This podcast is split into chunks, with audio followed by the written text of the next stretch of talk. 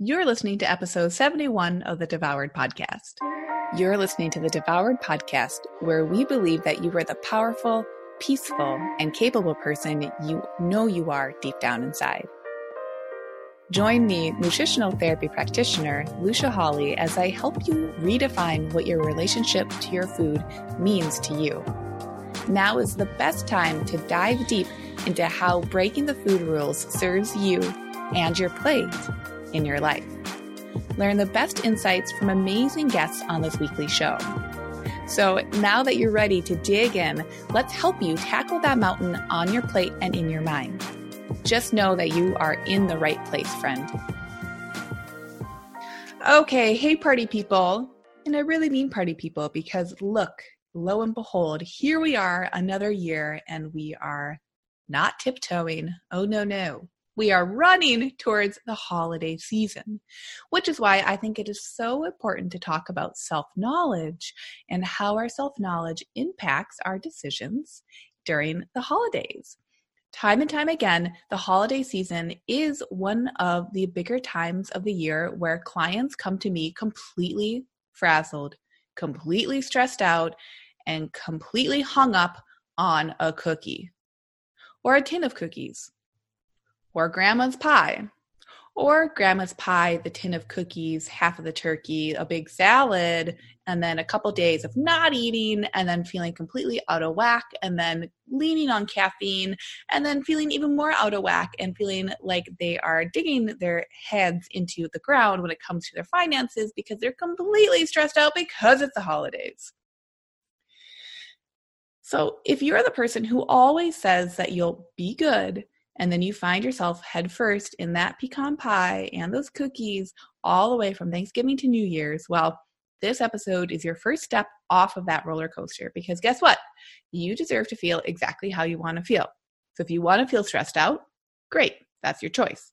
If you don't want to feel stressed out, great, that's also your choice. And if you don't feel like you have the tools to understand how you can pivot and shift your choices in the present moment in order to offer yourself a life throughout the holidays that serves you best, well, you are in the right place. So, let me talk about what self knowledge is. Now, self knowledge is simply the recognition that you are in control and you know best when it comes to your own choices and your actions and what you'd like to do. So, your self knowledge when it comes to health and wellness, then, is your ability right now, yes, right now, this present moment, even if you feel like you're on the roller coaster still of dieting, even if you feel like you jump around and you have a different eating plan every single day, and one day there's one influencer you love to follow who's talking about this style of eating, and you try it and it works, and then it doesn't, and then you fall off of it, and the next day you go to the other completely different side of the spectrum style of eating, and it works until it doesn't. Even if you're in that point right now, guess what? You still have a beautiful ability to tap into your own self knowledge. And yes, you do have enough self knowledge to be able to tap into that will guide you. And it will guide you peacefully and it will give you strong guidance. And you can start that today. So, that is what self knowledge is. That's the feeling of self knowledge I want you to be thinking on as we continue through this episode. This self knowledge can be the balm to the noise of the holidays because I really want you to think right now. Do you really not know what to eat? Right? Like, do you really not know how to eat in a way that helps you to feel okay? Do you really feel so stressed out every holiday season? Do you really think that it's surprising what is going to be offered to you or what's going to be at the parties? Is it really all that surprising how many parties you say you're going to attend or how many gifts you have to buy this year? Do you really feel like you have no say in any of these choices? Because that is really one of the first things that you can come to recognition with is that your self knowledge knows. Your self knowledge knows what to eat, your self knowledge knows how much stress you want, and your self knowledge knows what you can say yes or no to. You have all of that inside of you right now. And if that's triggering for you, that's okay. I know. I say some big things here. I know that what is triggering for you is not because of what I'm saying, it's because it's pinging something. It's bringing up something deep within you that could have more exploration if you so choose. So, self knowledge means being in alignment with self respect. And this does not equal restriction or self denial or a lack of self trust around any foods. And in fact, what self knowledge means is the ability to be present with oneself. All too often, you might identify with this that around the holidays is really easy to engage in eating patterns for our future selves. Like, oh, I, I couldn't not eat that pie uh, today because I, I only have it once a year. I had to eat it. I had to eat it. I had to eat it. So tomorrow, I'll just eat a salad. I'm eating how I'm eating this pie with a recognition that tomorrow is going to impact the food choices I make then. That's a slippery slope to live in, my friends. Think about how much mental decision making you have to make to always be shifting and pivoting depending on what you just ate and how that then impacts and implies what you need to, and I say that in quotes, what you need to be eating the next day. So it's fine if you want that salad the next day after you ate that beautiful pie that only comes up once a year. Just like it's fine if you wanted to eat that pie. But the question is here, and the question around self knowledge is what if you don't? What if you don't want to eat that salad? What if you don't want to repent for the pie? What if you actually didn't want to eat that pie every year? What if you did? What if you did want to repent every day for every choice that you made the day before? And there can be a lot of mental chatter around these subjects. And that's why I love these solo podcast episodes because I keep them short and sweet for a reason. There's so much I could ramble about, but that wouldn't serve you. That could serve my ego, but I don't care about that. What I care about is that you have tools and you have action items that you can implement right now, right here, today, before the holidays start. So that come holiday season, you don't feel like you're just in some crazy fog of stress overeating or undereating, restriction, buying all the things that don't matter, and not even being present in the experiences that do matter. So, here are four questions to ask to check in with your self integrity and with your self knowledge that you already have right now with food choices during the holidays. Here's question number one Does this serve me right now in the present moment? And guess what? Don't overthink it. Ask yourself that and see if you feel like a yes or a no. And if you say, I don't know, ask yourself it again because you do know.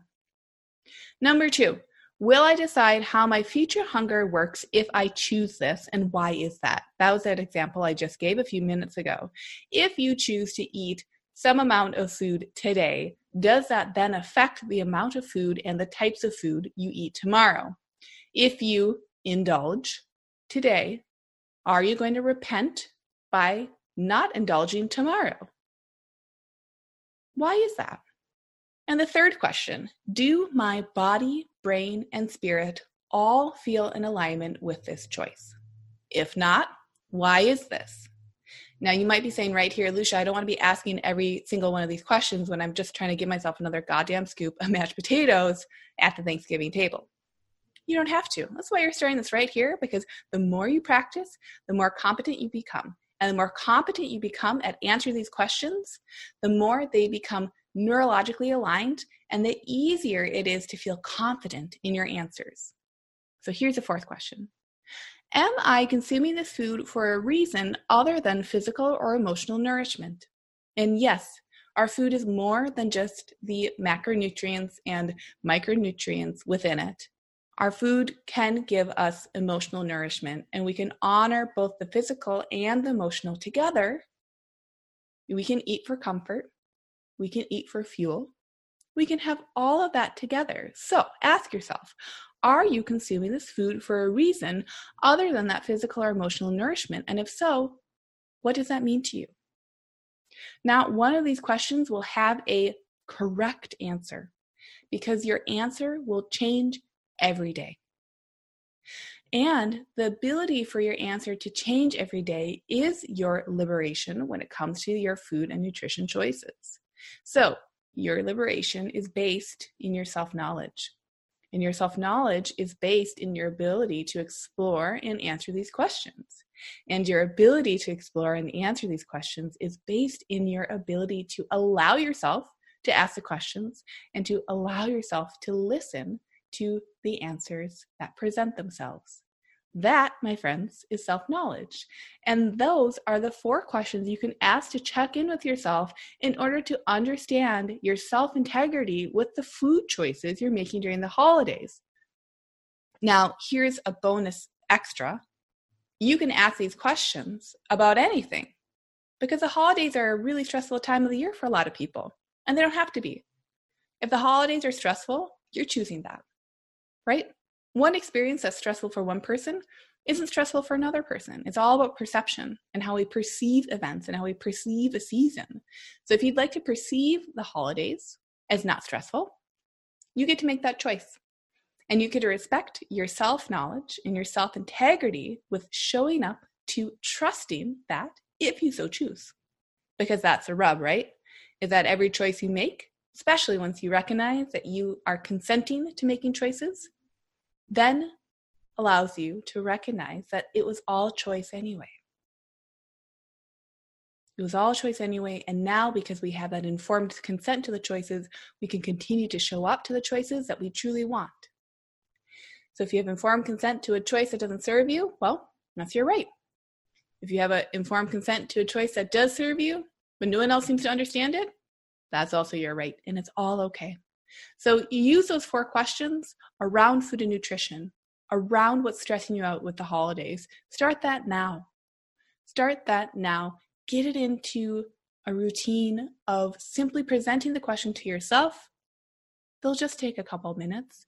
And the more you practice that, the more they become ingrained neurologically, the more comfortable you'll be with the answers that you receive, and the more able you will be to navigate your holiday season in the way that you choose and in the way that will serve you best. So go forth and conquer your holidays as you desire. Thanks for listening to the Devoured Podcast. Jump into the show notes for this episode and all past episodes at devouredpodcast.com. And if you love the show, please take just two minutes out of your day today to leave a review. This helps us so much in spreading the word. Consider also sharing your favorite episode with a friend. Let's get food liberation for all, and we'll see you on the next episode.